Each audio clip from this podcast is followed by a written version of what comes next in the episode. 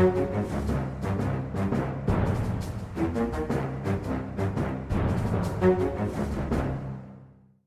til uh, Aftenpodden julespesial. Uh, jeg er Lars Glomnes, politisk journalist, og med meg i dag i det lille studiet vårt Trine Eilertsen, politisk redaktør.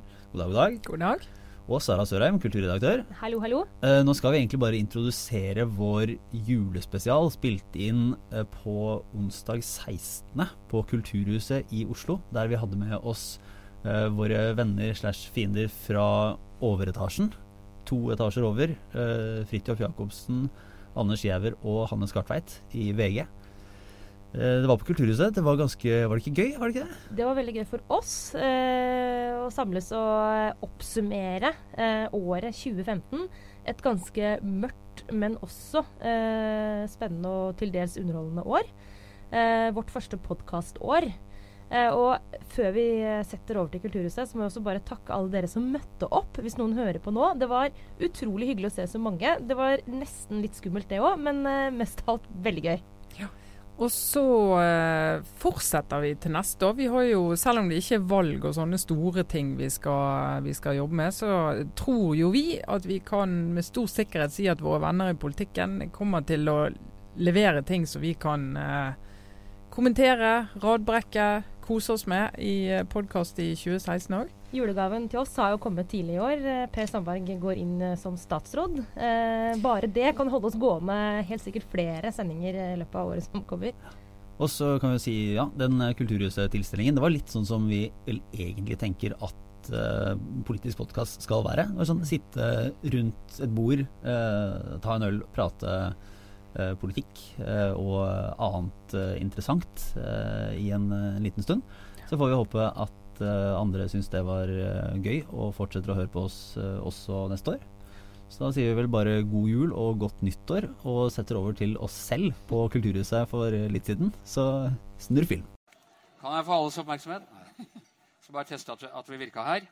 Um, velkommen, alle sammen.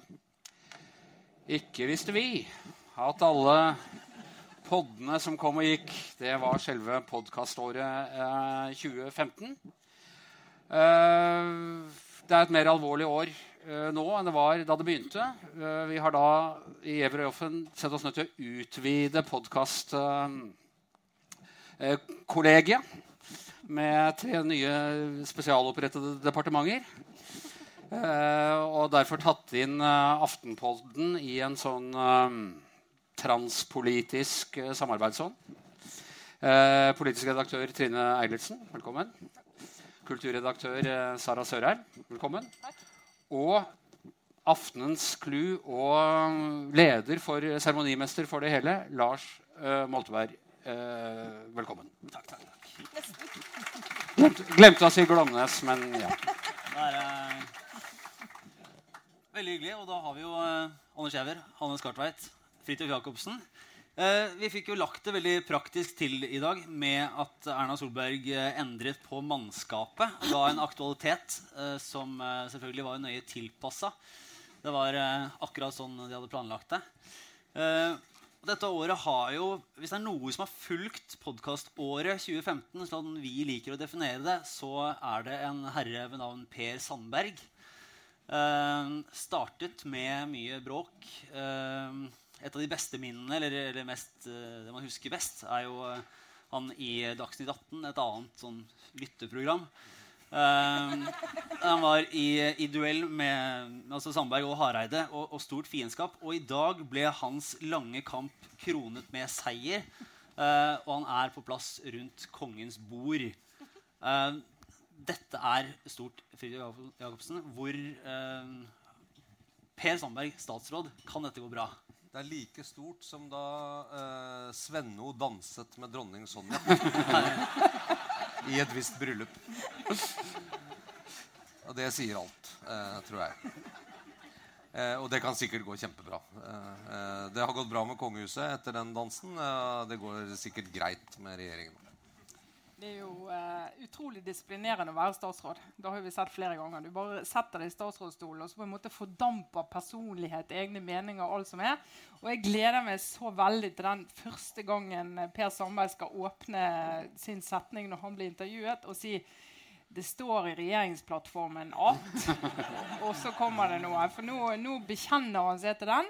Og da blir mye av det han sier, blir faktisk helt annerledes enn det han sa uh, i 2015. I så var det en veldig smart trekk at de, at, de, at de, lekka at han først ble innvandringsminister, så alle var i gang med å hyperventilere sånn fra morgenen. Ah, han skal bli innvandringsminister! Nei, han skal bli fiskeriminister. Ok. Torsken skal tvangsreturneres til Barentshavet, men uh, men det er jo godt nytt for laksenæringa. For nå må vi håpe at man får endelig lakselusen utenfor Norges grenser. og for Sylvi Listhaug, som plutselig ble sett på som en sånn eh, snill og litt sånn ukontroversiell eh, innvandringsminister etter at eh, Sandberg-sjokket hadde lagt seg. Så hun ble jo mottatt nærmest som en slags reddende engel.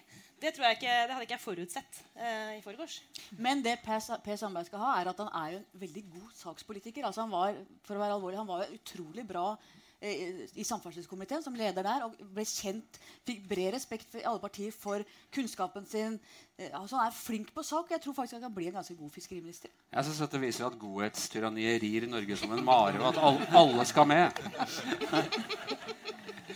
Men er det, er det, nå da slutt på den Per Sandberg som, uh, som man kjenner som refser regjering, partifeller, alt det som er, som, som er grasrota i Fremskrittspartiet og den, uh, den, mannen som sier det sånn som det er? Eller blir han, annen, blir han faktisk en annen politiker nå? Nå sier jo Frp-erne med håp i stemmen alle sammen at Per er jo Per.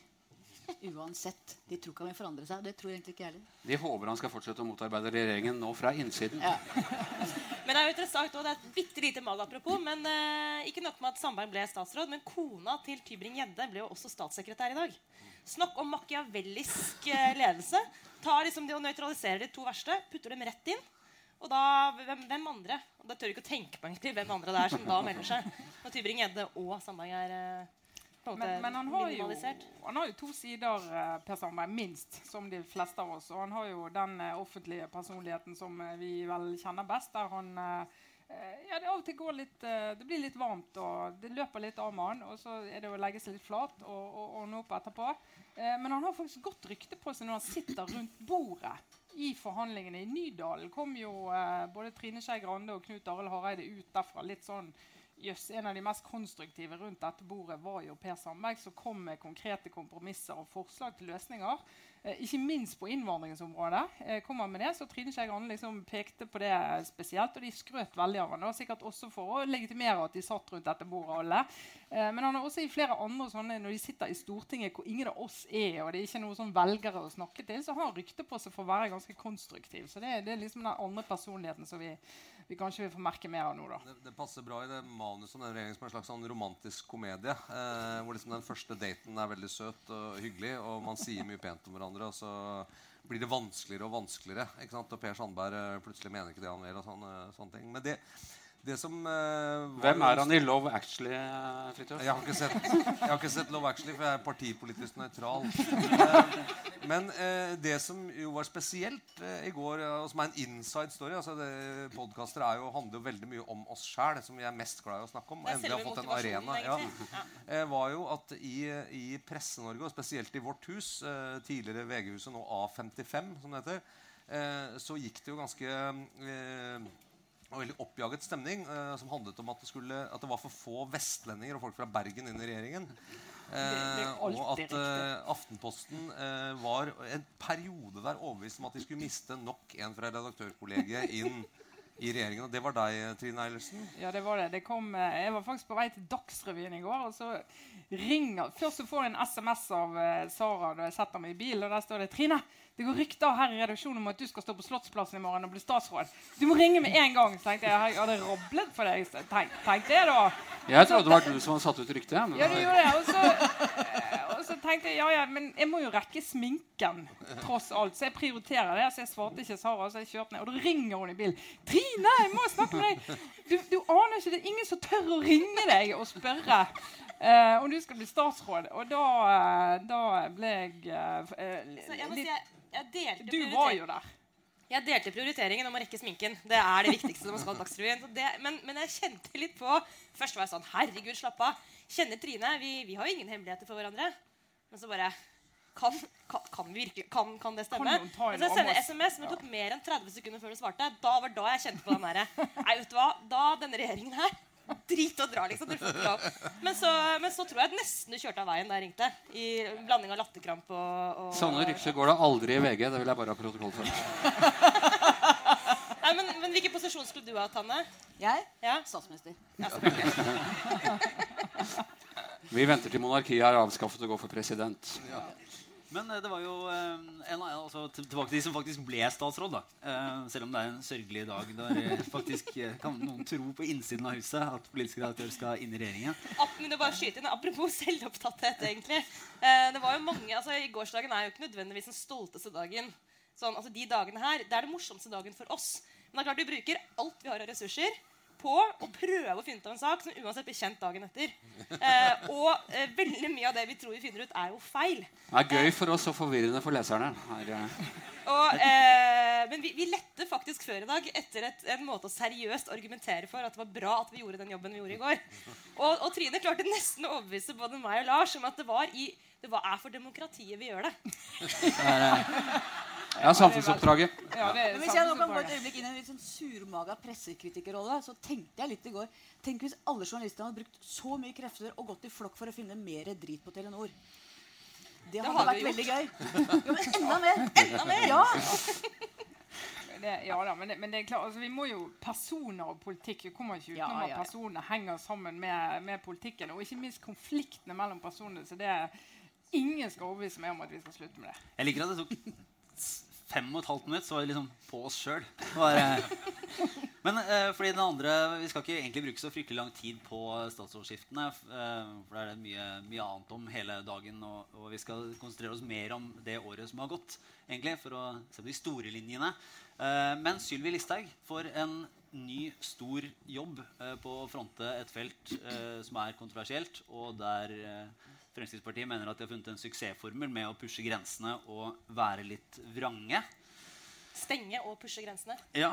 Og uh, hun er en konfliktglad politiker som uh, elsker en debatt. Trine, kan, uh, hvordan ser du for deg at hun fyller den rollen? Altså, Sylvi Listhaug har jo en, uh, opparbeidet seg en fantastisk posisjon i partiet. Hun er i ferd med å bli litt sånn Frp-kronprinsesse. Uh, og har uh, sittet i Landbruksdepartementet, og hun har fått gjort uh, en del. og uten for mye bråk, egentlig. Ble litt sånn surrete med første landbruksoppgjør i Stortinget. og i Stortinget er de veldig irritert på henne. Veldig irritert på henne. Men det, akkurat det er jo et poeng for henne at de skal være det. Og partiet elsker henne for det. Hun er glad i konflikt, er jo ikke redd for noe. Hun er en av de mest tykkhudede politikerne jeg tror jeg har sett. Uh, og uh, Nå skal hun inn i et område der hun kan ta med seg den tøffheten, men samtidig kan det være den tøffheten som kan bli vanskelig for henne. For dette, I dag vi, kom det et uh, integreringsforlik på Stortinget som er en, en slags oppdragsbeskrivelse for Sylvi Listhaug. Hun skal altså sørge for å holde sammen egentlig et, et, helt storting på det området og sørge for at du får en integreringspolitikk som ikke eh, fører til økt polarisering på et område som kommer til å prege Norge i mange år. Og hvis du tar med en litt sånn kantete konflikt eh, eh, interesse inn i det. Så du må i hvert fall, eh, jeg tror hun må jobbe med å dempe den. Da, Stortinget var også veldig eh, irritert på Kjell Opseth i sin tid. og Han var den siste statsråden som faktisk fikk gjort noe. Så jeg tror det på eller, eller, Victor ligger litt i mandatet. Fikk gjort, fikk gjort mye rart. Victor Nordmann spilt mye flygel. Men eh, eh, jeg tror eh, jeg, eh, jeg kan våge meg på bare i dette siden det er sånn privat setting, er at vi, det vi kan se med Sylvi Listhaug, tror jeg, og med hele oppkjøringa eh, som var også før hun byttet eh, altså før hun fikk den nye posisjonen, som nok ble klart for et par uker siden, jeg tror vi har skjønt nå, som hun kjørte opp veldig pressen, klar for større oppgaver og sånn. Eh, det kan være at Siv Jensen har pekt henne ut som en slags kronprinsesse, og som skal være den neste partilederen i Frp. Eh, og det kan godt hende at denne jobben og hvordan hun håndterer den, altså hvordan hun balanserer Frp eh, primærstandpunkter og, og, populistisk appell med eh, det å kunne fungere i et regjeringsparti, som jeg tror er viktig for Frp, for tiden, eh, kan nok avgjøre om hun kanskje er den neste Frp-lederen. Hun har rett alder, eh, og jeg tror hun har rett appell. Eh, og, eh, og hun er også fra eh, Vestlandet, som er et eh, ganske sånn kjerneområde for Frp, eh, ikke minst i kampen mot Høyre. Eh, det slo meg i dag at eh, jeg tror ikke dette bare handler om integrering. Det handler også om en slags arverekkefølge. Kan i hvert fall gjøre det. Det ble i hvert fall sagt da jeg tok en runde for et par uker siden hos eh, Frp-kilder om nettopp Listhaug, og hun ble snakket veldig opp. Så ble det også påpekt at det var en slags fra noen da, at, det var en posisjonering fram mot først nestledervalg, og så, så inn i arverekken. Men hvis vi tar det her videre til uh, det enda litt eh, større bildet, kvinnen som har valgt ut uh, disse statsrådene, Erna Solberg. Et, uh, er det et tøft eh, 2015 vi, eh, hun legger bak seg? Du mener vel i hvert fall det, Fridtjof. Var i Jævra Joffen for et par måneder siden. Det skal jo sies at jeg lytter eh, nærmest religiøst også til konkurrenter og fiender. Og tar notater. Eh, og tar notater. Ja, nå lager de sending dagen etter oss, da, så jeg tror det er veldig omvendt. heller. Hvorfor har dere begynt å spille på Vi ble veldig stressa når dere spilte inn på torsdag i forrige uke, men det var bare et unntak. En del av våpenkappløpet. Så er utrolig anstrengende å prøve. Vi kontra i hvert fall med onsdag i dag. Eh, Vi har spilt inn de fire første for 2016. Så det er, Men uh, Fridtjof, for du sa nå husker jeg ikke helt hvilket eh, Du sammenlignet eh, Erna Solberg og sa at hun muligens ble en ny Lars Korvald. Og Jeg vet ikke om du brukte uttrykket altså en overgangsfigur, men i hvert fall en eh, Du antydet at hun ikke ville bli en veldig betydelig statsminister når den norske moderne politiske historien eh, skrives. og så sa du at Lars Kolve- Korvald ikke hilste på deg i Stortinget i dag. Ja, nei. Før du svarer Ja. nå, Siden jeg ikke jobber egentlig til daglig med politikk og er veldig veldig ung er Lars Korvald, er det en allmenn referanse som er meningen man skal ta med en gang? I VG er det på vegne av I. VG er det det. I VG Vi har sånn Hva ville Lars Korvald ment om dette? Nei, nei. Would Poeng, poenget med referansen er jo nettopp at folk ikke tar referansen. Ikke sant? Eh, og du da er en parentes. Nei, altså jeg eh, eh, jeg, jeg tror fortsatt at mye kan altså Det er et par år igjen, det kan endre seg. Men jeg, jeg tror når man ser på det som var utgangspunktet for, eh, for Erna Solbergs regjeringsdannelse, bortsett fra å ta makten, som selvfølgelig var eh, eh, viktig i seg sjøl, Eh, Men så var det at den skulle eh, reformere eh, det offentlige Norge og en del viktige innretninger i Norge. Både etater, eh, kommunestruktur, eh, skattesystemet. Sånne ting som skulle gjøre Norge bedre i stand til å møte den framtida som kommer fortere fra enn vi aner, nemlig uten oljepenger. Eh, og, være en slags sånn si at eh, du skal egentlig få det samme Norge som du hadde under eh, Stoltenberg. altså en sånn slags veldig lyserødt sosialdemokrati. Men vi er bedre til å rigge eh, stat og, og kommuner og sånn til at eh, du skal få enda mer av det du er glad i. Altså Vi skal administrere bedre. Eh, og den store reformen som skulle, som skulle være symbolet på alt dette, var kommunereformen. Altså Vi skulle få veldig mange færre kommuner i Norge i en slags sånn aura av frivillighet. Alle skulle skjønne at det var bra. Den kommunereformen er stein dau. Eh, og den kommer ikke til å skje. Eh, og det, det er mislykka. Og så viser det seg at denne perioden kommer til å bli preget av ting hun ikke hadde planlagt, eller ting hun ikke hadde sett for seg at hun skulle få til på fire år. Men helt andre dramatiske hendelser som alle statsministre tror jeg får på sin vakt. Eh, Dette, det er både terror, det er eh, Russland, eh, som er et veldig krevende forhold, eh, og som krever veldig mye detaljhåndtering. Eh, og så er det flyktningsituasjonen, eh, som jeg tror kanskje er litt sånn det er mulig at den er gassa litt høyt opp, hvor dramatisk det blir i Norge. Men det som er vel så dramatisk, er at oljeprisen faller så kraftig så fort at oljealderen nok er over lenge før man egentlig trodde at den skulle være det. Det er nesten som et krakk. Eh, Statoil har gitt sluttpakketilbud til alle ansatte. Eh, som VG i og for seg. Men, Som alle eh, aviser har. Ja. Nei, men ikke sant, Aker Solution sier opp hundrevis av mennesker. Hele oljeservicenæringen sier opp hundrevis av mennesker. Det er ingen som tror at dette er noe framtid. Oljen er den nye papiravisa. og da tror jeg Og da tror jeg egentlig at at liksom, Hva er det hun etterlot seg eh, når man ser på det? Hun håndterte en del krevende situasjoner, men, men hva er det hun egentlig etterlot seg? Etterlot hun seg en varig borgerlig samling? Veldig tvilsomt. Etterlot hun seg en, et forandra Kommune-Norge? Nei. Eh, etterlot hun seg egentlig noen reformer som virkelig forandra Norge på en måte? Nei, jeg tviler litt på det. Også, altså, fair nok, det er, det er få norske statsministre etter krigen som, som virkelig står igjen. Eh, Kjell Magne Bondevik står ikke igjen som noen stor statsminister. Eh, Torbjørn. Jagland står neppe igjen som en stor liksom, statsminister. Men, Men hun skriver seg ikke inn i den der eksklusive klubben men av de nå, som Norge. nå føler jeg at jeg må forsvare for at Trine har brukt mye tid på å overbevise meg Lars om at uh, en del ganske tunge reformer som foregår nå, er dritspennende og kommer til å forandre Norge. Jeg mener å huske at, liksom, du har vært veldig sånn, opptatt av kommunereformen. Ja, du mener å huske. Det er jo åpenbart. Og han er jo ikke død, Fridtjof. Kommunereformen. Hva er det du tenker på? Jeg var jo på, jeg var jo på Difi sin årskonferanse som eh, eneste Alltid starten på en god anekdote. Ja. Siden dette møtet starta, har de slått sammen åtte norske kommuner. Så det er, eh, det er en løpende prosess. Dette kommer, dette, her kommer det til å skje ting. Jeg bare sier det. Say no more. Dette kommer vi tilbake til. kommunereformen. Jeg skal ikke bruke mye tid på det her. Men jeg er faktisk den eneste som går på de konferansene. Uh, mystisk nok. Og I, jobber i i vårt miljø, ja. da. Men jeg jeg er også veldig opptatt av kommunereformen og alle de kjedelige tingene. Men Fridtjof og jeg har diskutert mye mulig ettermæle for Erna Solberg. Og der skiller vi litt lag. For jeg mener at for det første er det altfor tidlig å si. For det andre så har jeg skrevet, vi skal jo referere oss selv, at hun blir enten en av de største statsministrene ever hvis hun klarer å lose flyktningsituasjonen igjennom, klarer å få til integrering, klarer å få dette til å, å gli og fungere. For det kommer jo til, altså Selv om det er færre nå, så kommer det til å komme veldig mange flere i årene fremover. Klarer hun det, så blir hun en av de største statsministrene i vår tid. Hvis hun ikke klarer det, så står hele velferdsstaten vår på spill, og da blir hun Da blir en hun svær. Ja, men svær der på en annen Ja, måte, men det er desto mer alvorlig for alle oss. Men- Jeg har tenkt å skrive en lignende, men skrev at hun enten ble veldig stor eller veldig liten. Eller midt imellom. men, det, men det som er eh, utfordringen, eh, utfordringen til Erna Solberg, både på de store og på de nye krisene og på de eh, svære prosjektene og reformene hun selv har satt i gang, det er at vi kommer ikke til å vite før 2017 hvordan det gikk. Eh, de reformene hun har satt i gang, det kan godt hende du har de ferdig vedtatt og begynt å implementere de. Effekten av de kommer ikke vi til å se før godt ut i neste stortingsperiode. Eh, Flyktningkrisen og oljeprisen, i motsetning til finanskrisen, som var en konjunkturkrise, det betyr at du har en dipp men så går det opp igjen innen rimelig tid. Eh, I Europa så varte det, for Norge varte det ikke særlig lenge. Det var en ganske, ikke en særlig stor krise. Vi, det var jo da det startet for mediebransjen for øvrig. Det var jo ragnarok. Ja, du Men- ble sjefredaktør omtrent samtidig, Var det ikke? Samme dag som Lehman. Brothers gikk konkurs. Så det, dette husker jeg. Eh, men, men, men forskjellen på når du har eh, store altså trendskifter, endringer, folkevandringene begynner virkelig å bevege seg opp mot Norge, oljeprisen går ned, og det er ingen som egentlig tror på han skal opp, investeringene er gått så mye ned at det, det er ingen som eh, virkelig tror at de kan komme opp på det nivået. Det skal de jo heller ikke.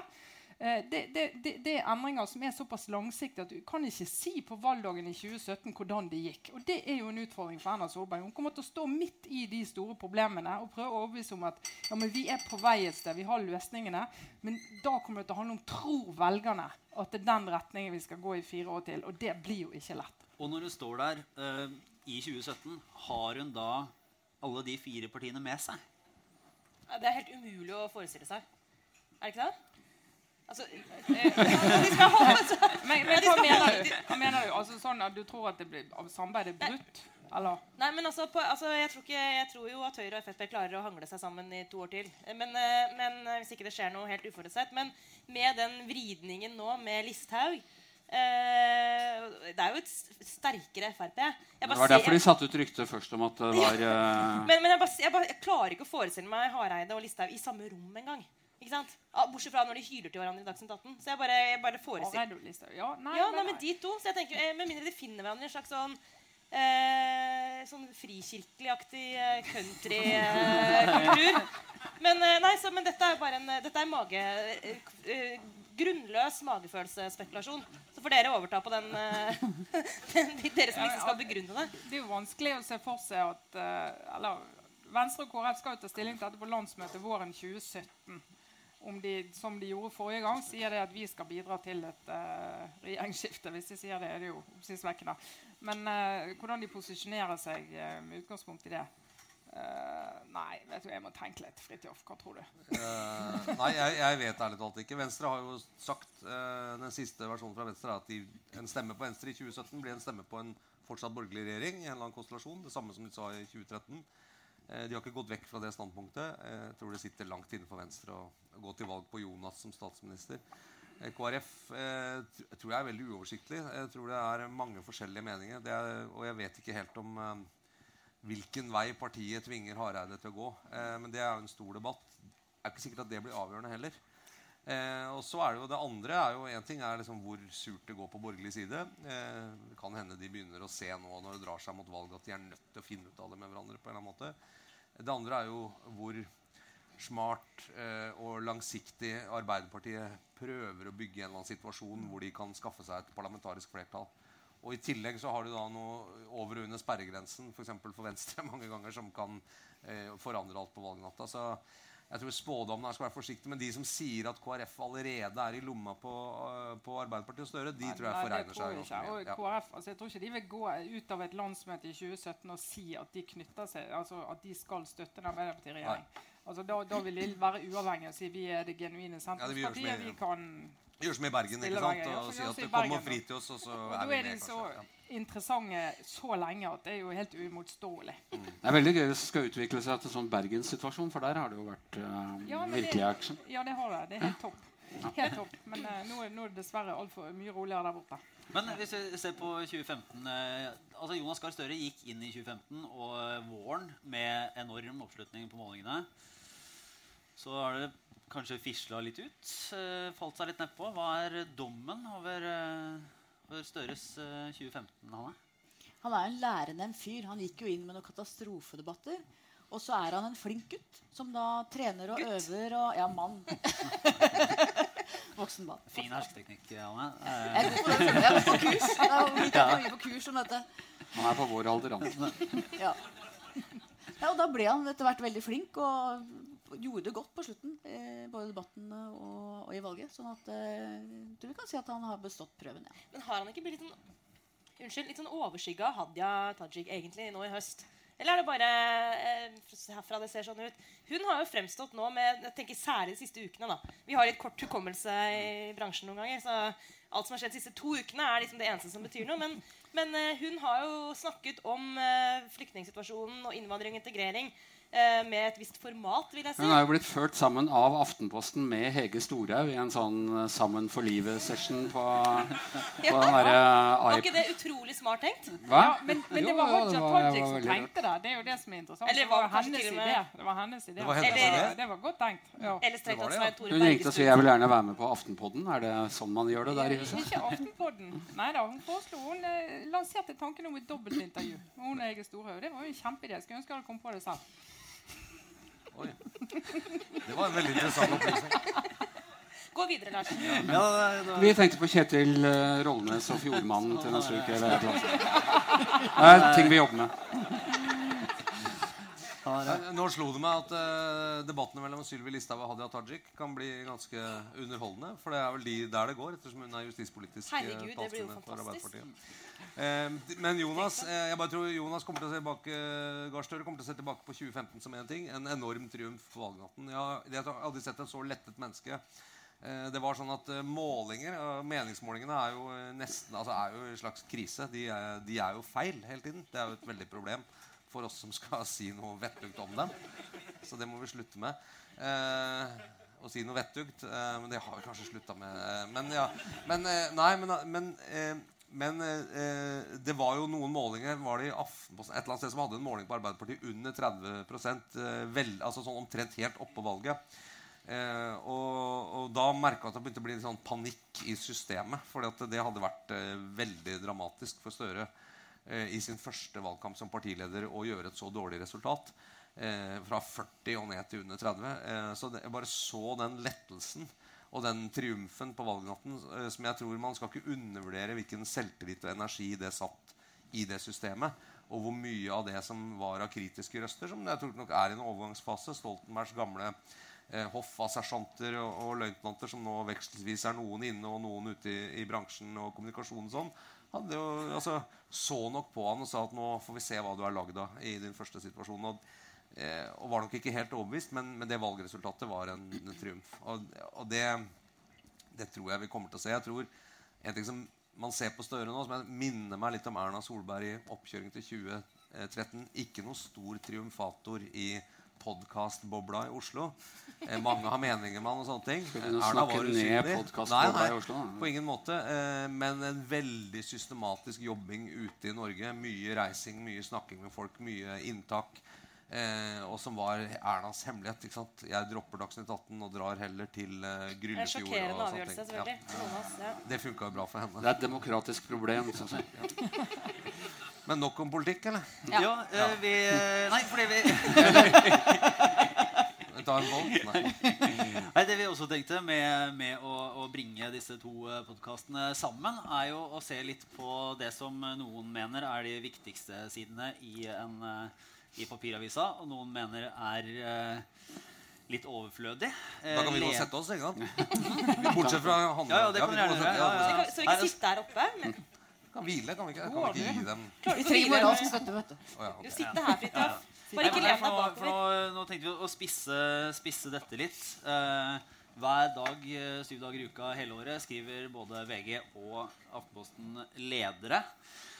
Der avisa sier hva de mener.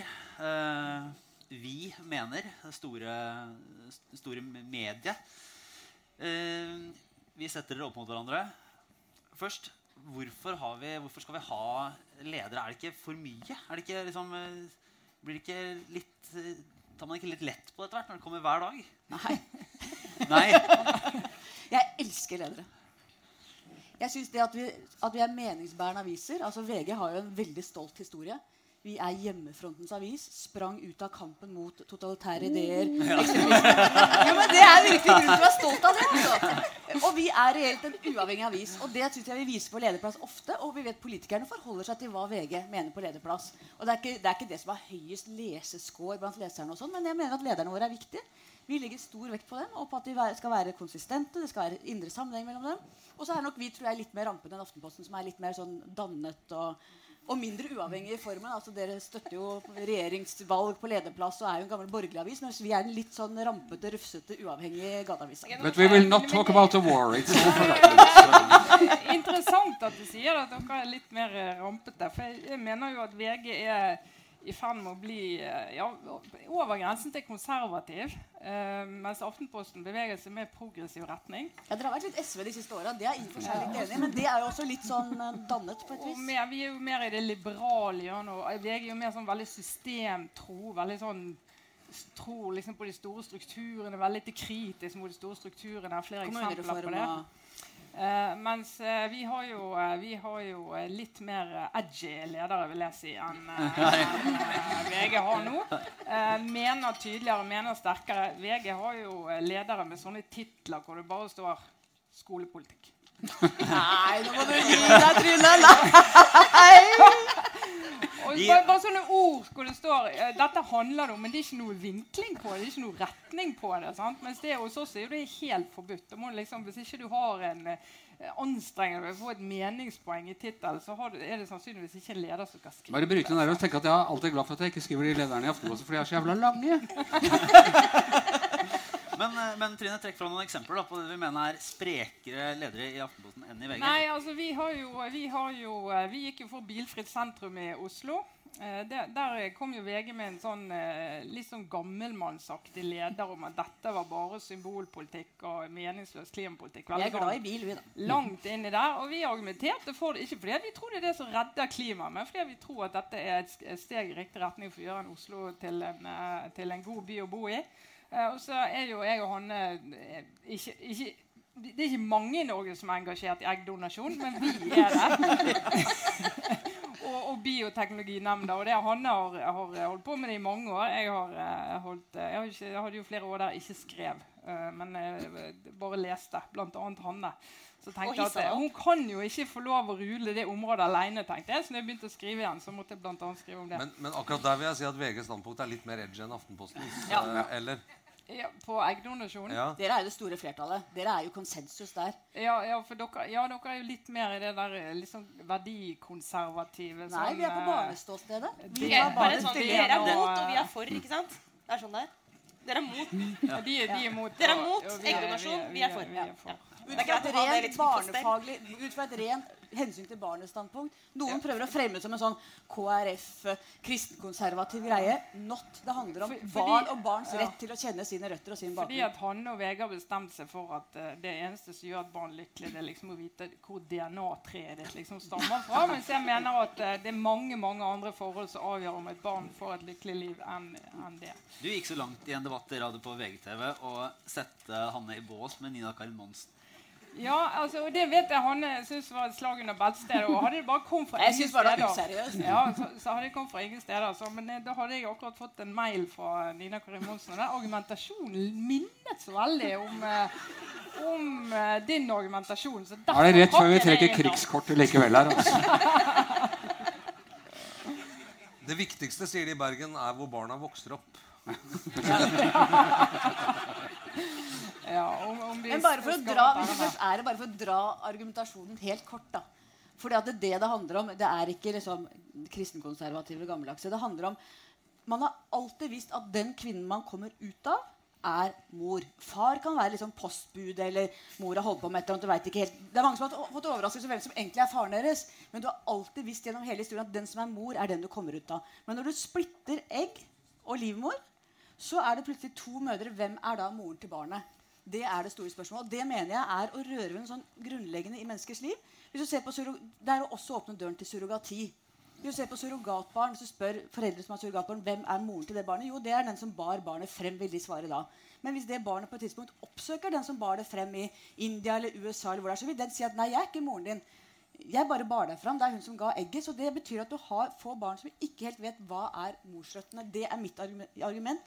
Handler ingenting om verdikonservatisme eller andre Nei, men ting. Hvis du spør barnet eller voksenpersonen hvem som er mor, så tror de aller fleste kan, kan svare på det. Og jeg tror den der, eh, det er jo av, et av de store problemene i norsk eh, altså Barnevern har jo vært denne her biologismen. At du på død og liv skal la barn vokse opp hos de som de har sine, sitt DNA og sine biologiske røtter fra. For, for mange barn har det vært direkte skadelig. For mange foreldre som har fått for mange sjanser fordi vi har hatt en sånn opphøyet tro på verdien av det. Eh, det, det, det jeg sier ikke at, at det ikke, jeg sier ikke at det ikke har verdi, men jeg sier det å sette det liksom overalt. Og det si til et barn du vet ikke hvem som er moren din, hvis, hvis det ikke er den samme kvinnen som er egg i livmoren og den uh, moren du har vokst opp med. Det synes jeg ja, det, det tror jeg veldig mange ikke vil kjenne seg igjen i. Men det er en helt annen debatt trekker opp der med barnevernet.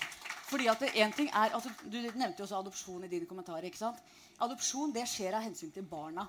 Det er ulykkelige omstendigheter, og så finner man barn som trenger omsorg, og voksne som vil gi omsorg. Men og alle barn dem. kommer fordi vi vil det, ikke fordi at barn har bedt om å bli født. Men denne Du og jeg har fått våre barn, og det er fordi ja. at vi rent egoistisk tenker å, det hadde nå vært deilig med en liten eh, bylt og et barn og en etterkommer og alt det der. Det er jo voksnes behov det starter med. Men denne diskusjonen handler om hvordan vi skal legge til rette for at barn blir skapt i fremtiden. Om vi skal gjøre mer av dette eller ikke. Det er det det handler om. Ikke barn som allerede er født i dag. Vi blir Alle ikke barn som er enige, født i dag er Nei, nei, nei det, det hadde vi ingen forventning om. Så ta den, den underlederen hvor dere mente at vi burde straffes også. Ja. Skjeggete damen, ja. Da Eh, nei, men, men eh, jeg vet ikke Vi kan egentlig bestemme oss her nå. Var det, vi har, det er et, en, det er liksom, kan ta én sånn duell til, eller så kan vi gå, gå videre. Er vi Så det er går opptatt vi må, vi må få også få oppsummert det uvesentlige, men gøyale i 2015. Ja, Ikke at jeg ikke er veldig interessert i eggdonasjondebatt, men uh, det, er, det skjedde et par bisarre ting i året som gikk. eh, som vi må eh, videre til. Ja, ja, så vi skal ja. rekke på slutten. Men, bare, men helt kort, hva, altså, hva betyr det i, i praksis at en avis har en sånn mening? Altså, hva betyr det at uh, Aftenposten og VG, samme eier under samme tak, uh, skriver om de samme eller ulike ting, um, har lik eller ulik mening? Altså, hva, Altså, Den meste kritikken av det vi får fra kommentarfeltet, og overalt er at vi mener akkurat det samme. og det er ikke noe forskjell på oss. og Vi er kvelende konsensus, islamofile SV-ere på vei Ja, mot undergangen. og vi måtte jo leite litt for å finne de store, brennbare tingene det har vært uenighet om òg. Men det speiler jo egentlig hele uh, samfunnet vårt. da. Men, men eh, vi, som Hanne sier, vi merker jo at det betyr noe. Og jeg mener er litt forskjell på, på redigerte medier med redaktører eh, og en haug med andre innholdsleverandører og produsenter. Det er jo bl.a. at du har det det lederinstituttet. da, Så kan du, kan du si det at det, det krever mye å skrive syv i uken. I hvert fall hvis du skal ordentlig researche, og ha bredde og jobbe ordentlig med det. Og jeg synes, det, altså, det er jo en del av eh, det som har skjedd når eh, mediene har uh, fått mye dårlig økonomi, det er at, uh, at lederne er, det er for lite variasjon i tema, og det er for, for, litt, for dårlig research. Og Da tror jeg vi alle kan, kan av og til piske oss sjøl litt. og Det er ikke alltid det høy nok kvalitet på det. Så kanskje burde vi ment sjeldnere. Eh, men bedre og tydeligere og Lage bedre færre, argumentert. færre podkaster og skrive bedre ledere. Det er nei, nei, nei. 2016-ambisjonen. Ja, ikke Samtidig, hvis jeg skal være litt sånn medieselvkritisk her eh, Det er jo eh, påfallende at mens man nedbemanner alle redaksjoner på, på de fleste områder, så er leder- og kommentarjournalistikken den er nærmest i vekst. Det er mye flere kommentarer i uh, avisene det var eh, da jeg var ung. Ja, ja, ja. Uh, for eksempel. Så er, er det en sånn billig måte å levere på samfunnsoppdraget? Her er det noen folk som sitter og skriver skoleflinke stiler om samfunnsutviklingen.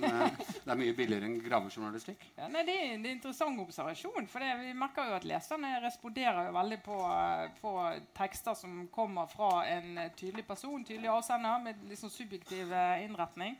Eh, Så det blir ofte godt lest. sant? Det gjør jo det, og du får i gang en debatt. Men så tenker jeg, Kjernen i samfunnsoppdraget vårt er jo å få i gang den debatten.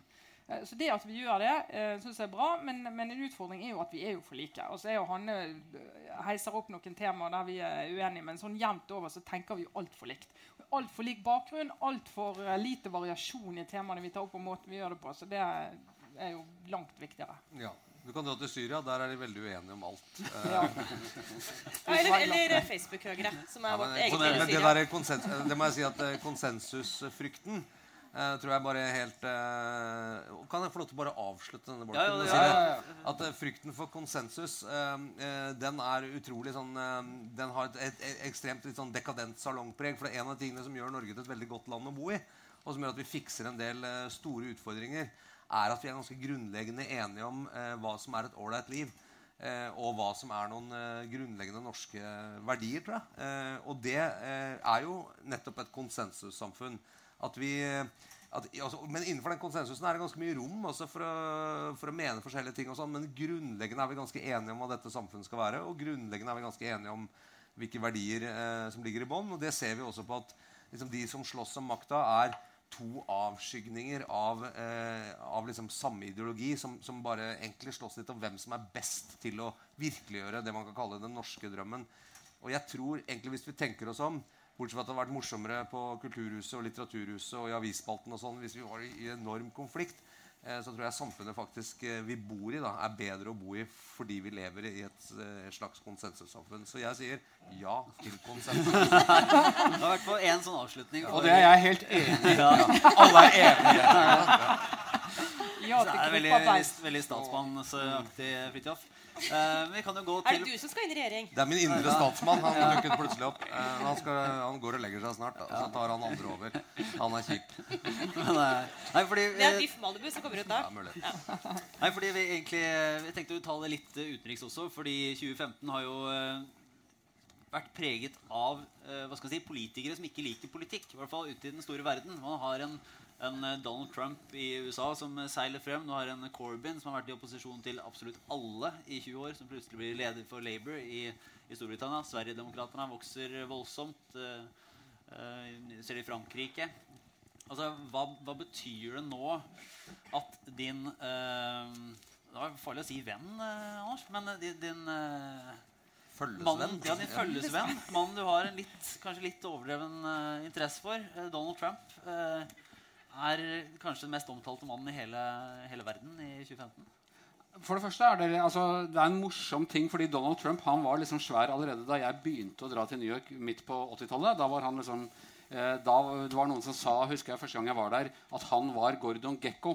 Greed is good og alle disse greiene her. At Gordon Gekko var bygget på, på Trump og Milken og et par andre eh, sånne figurer. Så er på en måte jeg har, jeg har vokst opp eh, eh, med Trump sånn sett. Jeg oppfatta den gangen egentlig som en sånn litt sånn forsøk på å være sånn litt sånn gentlemanns-liberal New Yorker. Eh, Den rollen han har inntatt, som egentlig begynte å innta uh, i 2011, da han satte i gang med at Obama var født i Kenya og smuglet inn i, til Hawaii eh, en sånn sinnrik plan. Han brukte millioner av kroner for å prøve å bevise det. Eh, den var litt ny. Og den kanaliserte det sånne der nye, anti, veldig sterke anti-establishment-greiene på høyresida i USA. som med som har eh, kapra eh, høyrefløyen, eller kapra det republikanske partiet, og er i ferd med å, å kjøre dem liksom, som et veldig underholdende sirkus, men rett i grøfta, selvfølgelig. Eh, jeg vet ikke egentlig hva det sier. Jeg, jeg, jeg tror vi kan få en valgkamp til neste år som er jeg, For alle og Hanne, som var den første jeg kjente som virkelig oppdaget Obama, eh, var veldig begeistra da Obama kom. Han var liksom for alle som har vært glad i USA, som hadde hatt noen litt harde år under uh, George W. Bush, så var det som Yes, der ser dere! Dette er USA. ikke sant? Det er det multikulturelle. Det er, uh, det er arven fra Martin Luther King, fra Kennedyene. Håpet. Alle har den samme sjansen. Yes, we can. Og, og, det er ikke The Blue States of America eller Red States of America. The United States of America. Det var, noen uh!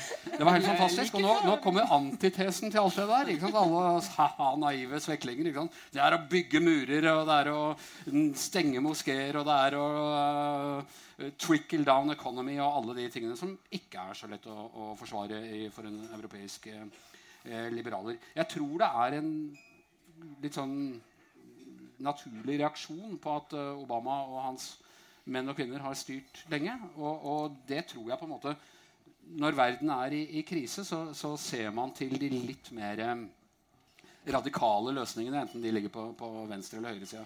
Corbyn i, i, eh, England. Hvis du skal driste deg til en Vi holder oss ikke for god for noen spådommer. Uh, nå har i og for seg alle stort sett bomma om Trump i månedsvis. Men hvor langt inn i 2016 holder Nå har disse to akkurat godkjent to omfattende reiseforslag til primærvalgene i USA. Så det skal i hvert fall holde til over supertirsdag. Det, Nå holder du et egoistisk håp og krysser fingre på at det skal uh, ja, altså det, jo, det, er, det, kommer til å bli spennende uansett. Altså, valgkampen begynner nå uh, over jul. Det som er nå, er ikke valgkamp. det er uh, og, og, republikanske velgere er ikke det samme som medlemmene av det republikanske partiet. De kompliserte, veldig rare valgordningene de har i de forskjellige statene, har sin egen dynamikk. Uh, dette blir nerdete, men Howard Dean var altså den mest populære demokratiske kandidaten i, uh, på disse tider i, i 2000. Helt til han uh, var han som hadde et sånn digert hyl? Mm. Nemlig. Han, han var helt suverent. Nei, han skulle bli og, og, og, det var ikke tvil om at han kom til å bli det. Og så, var det i, så tapte han i New Hampshire, eller noe sånt. Og så sto han og hylte på scenen på en sånn veldig veldig rar måte. og så, var så var han, fikk han bane og, og gikk ut av soga. Så sånne ting skjer. Og derfor er det veldig viktig at jeg drar over og er der. Selvfølgelig, Anders. Og, og ser dette på nært hold, så at vi ikke går glipp av det. Du må begge de to godkjenne dine reiser. Hva? Du må rapportere til begge to. Du, vi har et nytt system som dere har også, som heter Aggressor. Aggressor, ja. Og la oss klappe for Aggressor. Jeg vet ikke hvem Aggressor egentlig er, men jeg må ta bilde av alle kvitteringene og sende dem til en sånn høyere enhet oppe i iCloud. Men jeg tenker, tenker den, eh, den uh, trenden da, altså Du ser disse som uh, kommer frem. Og, altså, Obama begynte jo litt der, ta litt avstand fra establishment og politikk. Og så ser du uh, i UK og flere land i Europa og, altså, Det handler jo om de svære trendene igjen i Europa med hvordan arbeidslivet forandrer seg. Hvordan eh, masse arbeidsplasser forsvinner som følge av globale konkurranser. altså globalisering dypest sett. Hvordan veldig mange mennesker kjenner på en fantastisk stor uro. eh, usikkerhet om fremtiden, og med god grunn. Uh, og det blir en litt sånn desperasjon, for du ser at det går for tregt fremover. Det har ikke vært sånn som før når du hadde konjunkturer som rammet landet ditt med jevne mellomrom. Uh, de gikk ned, men du visste at de gikk jo snart opp igjen. For dette er ting som ikke kommer tilbake. Mange av de arbeidsplassene i USA kommer aldri tilbake. Du har liksom svære områder som egentlig er helt uh, lagt døde. Uh, og du ser det samme i Europa. Da, du, da blir det en veldig sånn attraktivitet i det for det første å, å, lytte til de som har litt ekstreme og enkle svar. Men også selvfølgelig skepsis mot de nye som kommer, og så blir en del av den konkurransen om knappe ressurser. Uh, eh, om du vil. Og en del av den flyktningskepsisen og innvandringsskepsisen vi ser Vi kan, vi kan liksom raljere med det og si at folk forstår ikke, og de har ikke møtt, og de har ikke en innvandrer i nabolaget, og de, de, har ikke en i barnehagen. Det er derfor de ikke kjenner de kjenner de ikke og vet ikke noe. Det er gjerne de som har dem i nabolaget, som er skeptiske, de, hvis vi skal være ærlige. Ja, hvis du ser på målinger i Norge, så er det jo de i Oslo som er mest positive til eh, innvandring. De som faktisk uh, har det i nabolaget og faktisk kjenner dem. Men altså, for mange så, så handler, det jo, det handler det jo mer om en sånn utrygghet som jeg tror Eh, det politiske establishment med Sverige som ekstremversjonen. Uh, som overhodet ikke har greid å ta tak i den uroen og si vi, vi anerkjenner at den uroen fins, og vi er nødt til å jobbe politisk med å finne svar på det, både på innvandringssiden og på integreringssiden. Uh, og, det, og det, I flere land så ser du at politikerne mister tillit uh, fordi de ikke greier å kombinere de eh, utfordringene. Men det, det, er interessant, for jeg føler året her har vært litt sånn at det, det er mye som har starta med å være litt sånn at, nesten litt sånn tøys. Trump eh, Unnskyld, ikke uten sammenligning for øvrig, men Sverige også. Eh, som bare er sånne der, eh, helt uh, underlige folket bare der borte som har alle disse rare kjønnskategoriene sine. og jeg var på en reise over der i begynnelsen av året og deltok i en debatt og bare kom hoderystende hjem. og Vi fniste over 15 lunsjer. Eh, og, og, ting som egentlig ja, Sandberg. Men mot slutten av året så er det sånn Trump han kan bli president. Eh, Sverige har gått til å bare bli helt sånn bekmørkt. Eh, det er krise. Velferdssamfunnet står og vakler. Eh, og, Sandberg sitter i regjering. Så sånn, herregud, Alt det som vi tøysa med, ble liksom virkelig eh, i løpet av 2015. Slå, slå meg nå, og da, da får jeg nesten litt, sånn, sette seg litt fast i halsen. sånn, Burde vi tulla litt mindre eh, i begynnelsen av året. Det er din skyld, Sara. Det er din skyld. Er det vår skyld? Er det en slags guddommelig straff? Eller må man bare tulle mer? Det er kanskje det som er, uh, er nøkkelen. Men det, det, det, ligger en undertone nå av litt sånn uh, det, er, det, har vært litt mørkt i høst. Uh, det er ikke noe gøyalt tema, men det ligger jo litt under sånn Det er mange litt skumle ting som skjer på det makrobildet nå. Mm. Men, uh, men eh, vi, vi, gjør vårt beste likevel ved å tviholde på det litt uvesentlige. Så du eh, Front National tapte valget nå i uh, ja. denne helgen. Ja. Etter to av de mest alvorlige terrorangrepene i Europa. Så tingene går litt begge veier. Ja, vi, må tro, vi, må tro, på fornuften. og jeg tenker at Det som er fantastisk med USA, er at det er et samfunn som alltid går litt for langt, og så er det selvkorrigerende. Altså De klarer å, å finne tilbake til en sånn slags normalitet. Og det er spørsmålet om Europa klarer det. Vi har jo hatt uh, blodig dramatiske historier på dette kontinentet før. Nå har vi EU. Uh, eh, som jeg tror kanskje kan klare å holde en del av de verste utslagene i sjakk. Du gir aldri opp din tro på EU? Nei. Nei. Jeg gir aldri opp min tro på EU. Nei, det er et par ting som er hellige på vår avdeling. Og det er, uh, EU og Nato er begge ja, ja. Og surrogati, selvfølgelig. Men Fridtjof uh, ja. ja til EU nei til surrogati. Ja, ja, to ja, én nei. Der er det ingen opposisjon. men, men, men, men altså, det, det, tror, det, det, man ser, er jo, og det tror jeg vi opplever òg, hvis du skal være litt selvopptatt igjen Det var veldig lenge siden jeg har vært selvopptatt nå. Men, ja, fred, men, men eh, mye etablert som vi har vokst opp med, og som vi leste om i historiebøkene, mye av det samfunnet som ble bygget opp i Europa etter andre verdenskrig, eh, eh, er under press. Eh, altså det er en del sånne avtaler som blir utfordret ganske mye.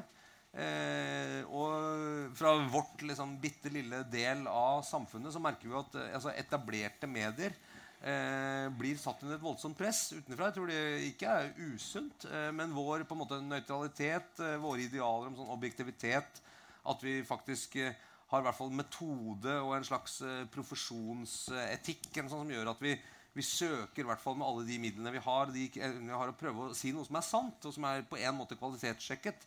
Selv om vi bommer på innvandringsminister og, sånne ting. Men så skal vi i hvert fall erkjenne at da er det noe med, men vi har noen metoder som, altså Vi driver ikke med propaganda. Vi prøver i hvert fall innenfor våre ting å jakte på noe som er eh, en form for kvalitetssikra sannhet om samfunnet eh, blir utfordret nå eh, på de samme arenaene hvor vi publiserer, altså digitalt, med at eh, alle vet jo at mainstream media, som er et eh, begrep som blir brukt eh, av f.eks. Knut Olav Åmås, eh, sjef for Fritt bruker det som en helt naturlig ting. Mainstream media som egen kategori i opposisjon til noe annen media. er de egentlig til å stole på? Alle vet jo Dette får jeg mail om hver eneste dag. Alle vet jo at jeg ligger på kne foran Jonas Gahr Støre med hans lem i munnen eh, hver eneste søndag i advent. Eh, det vet jo alle. Ikke sant? Eh, for et horribelt bilde, egentlig. Men, eh, eh, eh, ja, men alle vet jo også at jeg er kjøpt og betalt av Høyre. som jeg har hørt fra liksom, den andre siden. Altså, at hele vår eh, posisjon som en sånn We are the messenger er utfordret, og vi blir dratt inn i en sånn kamp. Og, og politikernes posisjon inn i det samme. Hvem er egentlig å stole på? Russland bruker dette helt systematisk i sin propagandakrig. Det der malaysiske flyet som ble skutt ned. Ja, Hvem var det som skjøt ned det? Eh, det? Kan du stole på Nato? Kan du stole på din egen statsminister? Det fins andre versjoner.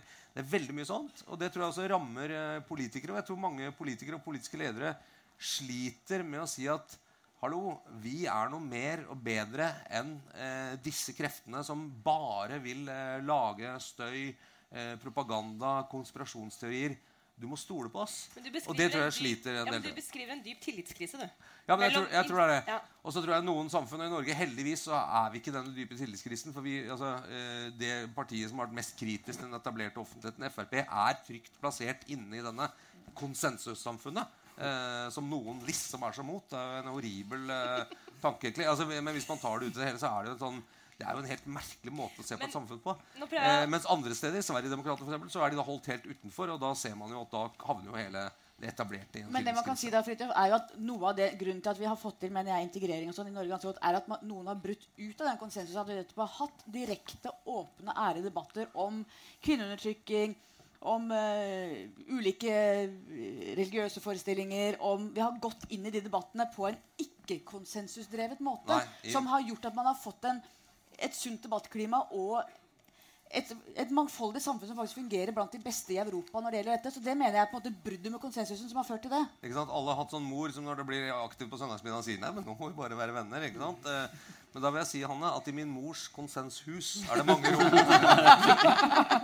Og plass til alt. Takk for det. Ja, vi har lyst til å prøve, kan jeg prøve å få lage en bro fra dette over til noe vi må innom før vi slutter. Eh, Ja. Nemlig, eh, Men jeg har ikke helt klart å lage det, så jeg sier at jeg Nei. prøver det. Ja. Nå over til noe helt annet, kan du si. Nei, ja, Den er det reserveløsningen. Men jeg tror det Vi skal hjem sammen. igjen, kan du si.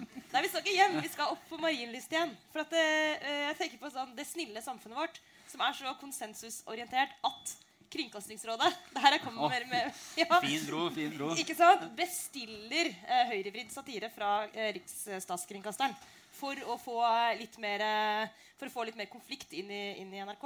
Det var en av Det- deres, det. var det ikke det? Det var en av det, deres. det, det. jo, det, viser det jo, det viser jo meningsmangfold, mener jeg. For Ja. da var det, det var jeg sto vel i Kveldsnytt og radbrakk eh, Kringkastingsrådet for eh, å komme med denne bestillingen.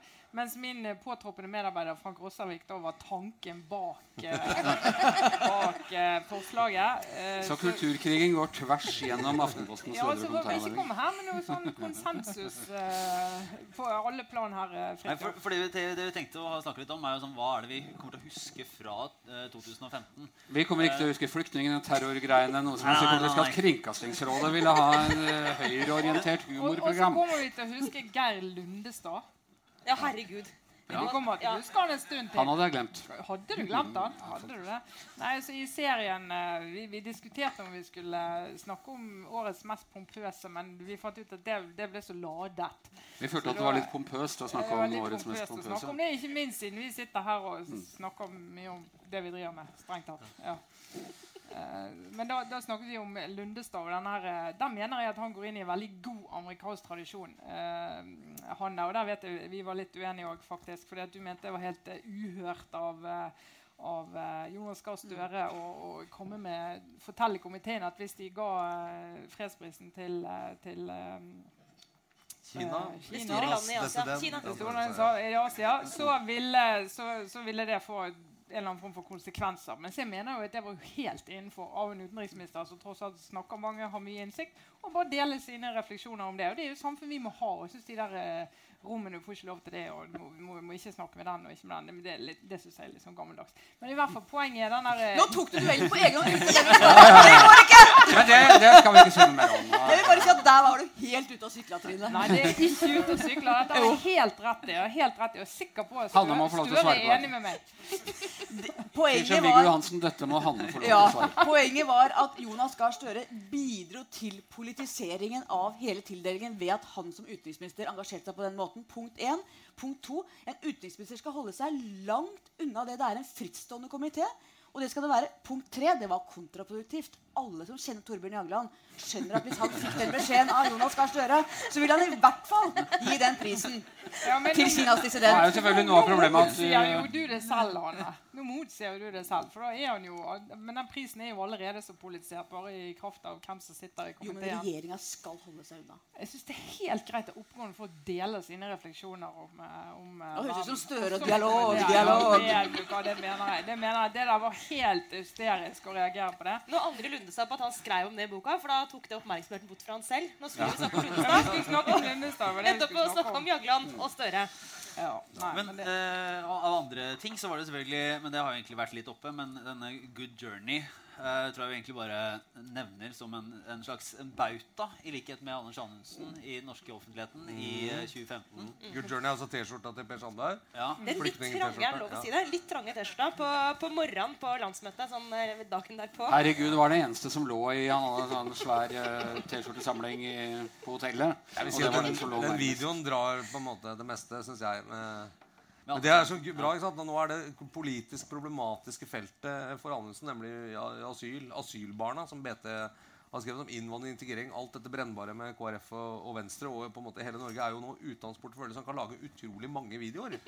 Eh, med sånn eh, gun på hofta og 'Nå er vi trygge' og sånt, og Vådeskudd må vi huske hører med i et trygt samfunn. Eh, eh, det var, dette er jo egentlig litt tragisk, men altså, den overskriften som var eh, eh, Som det sto liksom i denne bevæpningsgreia, som er jo en ganske fin farse det, Hvor det sto 'Politiet skjøt seg selv i foten'. Da, altså, jeg håper det går bra med den foten, men eh, noen ganger så altså, Som jeg pleier å si, virkeligheten er bedre enn alt. Ja, ja, Men av alle ting rundt de der regjeringsforhandlingene, uh, må jeg si jeg som ikke ligger så tett på, på som dere, var én ting at han skulle bli. Nei, at eh, Sandberg skulle bli innvandringsminister, eller at, at liksom, hva som helst kunne skje. Men at Anundsen skulle bli sittende som justisminister! Det syns jeg bare var helt psykedelisk. altså. Men dette er jo svaret på Kringkastingsrådets ønske om høyreorientert satire. Det er nettopp det det er. Det er nettopp det det er. Det er å imøtekomme kravet. Men det, men det er jo interessant. Både, både vi og dere og vi er jo mot, uh, mot bevæpning av politiet. Og det, må jeg si, det, det er jo noen kategorier der du får ekstremt mye respons. Innvandring, integrering. Da flommer det over innboksen. Og litt sånn kvinner og feminisme det samme.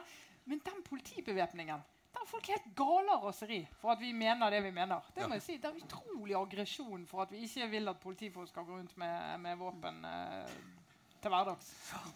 Har dere merket det? Jeg blir En, Vi, enighet. vi mener litt tydeligere, da, for de sterke reaksjoner. Ja, der har vi vært sterke og klare. Der òg.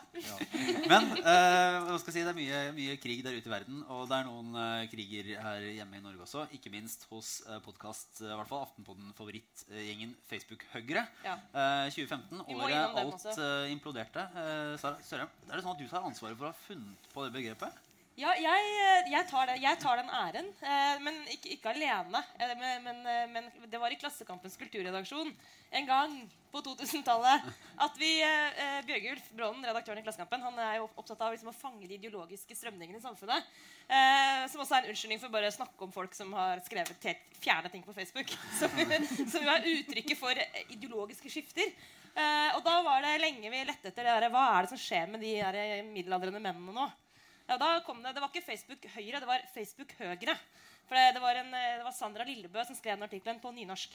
Eh, så, og det var, det var første gangen det ordet ble brukt. Da prøvde vi å oppsummere og lage en slags sånn sivilisasjonen går til helvete-aktig sak. da. Eh, for å vise til hvor mange middelaldrende hvite menn som skrev innvandringsfiendtlige ting på Facebook. Og i Eh, og en av de vi skrev Ja. i artikkelen, Bjørn Gabrielsen, som verken er særlig innvandringsfiendtlig eller hadde Facebook-konto, viste seg. Så, så eh, litt selvkritikk får vi kanskje ta for uh, researchen. Men, uh, men vi fant opp et nytt begrep. da. Det var Og det er jo gaven som fortsetter å gi, Uh, rett og slett. Dere klarte å stigmatisere en subkultur, i hvert fall. Det, Det- Bjørn, det- Bjørn, Gabri- Bjørn Gabrielsen er den der gamle som man hører stadig vekk på VG. Jeg har en sak, men mangler kilder. Som er hakket kjipere enn har tittel, mangler eh, sak. Ja, ja. Som også er en uh, utfordring. Men, men altså her, er vi, dette kunne vi brukt resten av kvelden på. Det skal vi ikke, for vi er jo snart ferdig. Men, men nå er det jo eh, Kjetil Rollnes som har tatt over som en slags sånn Hva skal vi kalle det egentlig? En, uh, er han her nå? Som en slags ridder eller, eh, eller general eller sjef eller et eller annet for Facebook. og greier. Han er, han han er har Hege utmanøvrert til andre, og så er, det, så er han Han er blitt Hege Storhaugs Carl Erik Skjøtt Pedersen.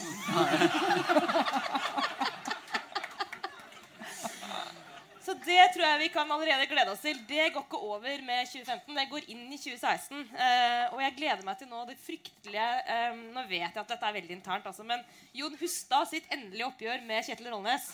Det er forpostfekninger, det vi ser nå. Sann mine ord. De to der. eh, med Fordi, fordi Kanskje ikke alle har fulgt med i dette, her, men Aftenposten har de siste dagene hatt Altså hver gang du, Hvis du bare går inn på Aftenposten Meninger, og så trykker du på sånn reload, så er det et nytt innlegg. Nei, Jon Hustad, boing! Nå har Kjetil Olle svart på det. Boing! Da er Hustad svart på det igjen. Sånn har det vært i, siden helgen. eller noe sånt. Og det de krangler om, er et intervju med Hege Storhaug, som var på TV 2 rett før helgen. Ja, ja. Vi er kanskje litt vel interne nå selv for denne forsamlingen. Altså, eh, Jon Hustad intervjuet Hege Storhaug og var overraskende kritisk mot henne. Og prøvde liksom å nagle henne på faktafeil når det gjelder innvandring. Eh, og ble hyllet for det. I, ja, i, Av konsensusmedia. av konsensusmedia, rett og slett. Men, Men slaktet da- av uh, kommentarfeltmedia. Ja. Og Rollnes mente da at Hustad slett ikke hadde, hadde i det hele tatt klart å arrestere Storhaug. Tvert imot bare vært uh, ufin. For hans rolle nå i livet er jo å, å liksom redde, være en hvit ridder for Hege Storhaug. Så dette er eh, ja, dette, jeg merker, Det er ikke så gøy å snakke om selve kjernen. Det, det som er gøy, er egentlig at de krangler.